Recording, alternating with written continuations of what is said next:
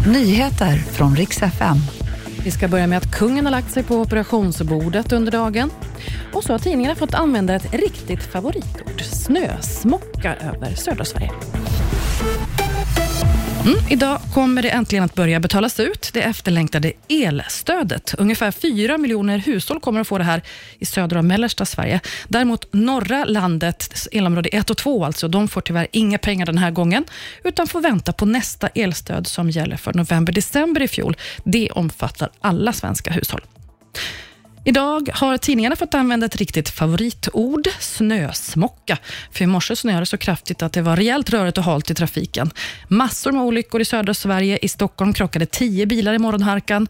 Nu på eftermiddagen så tinar det ju lite, men det är läge att vara fortsatt försiktig. Och idag har kungen lagt sig på operationsbordet. Det var alltså ett planerat hjärtingrepp.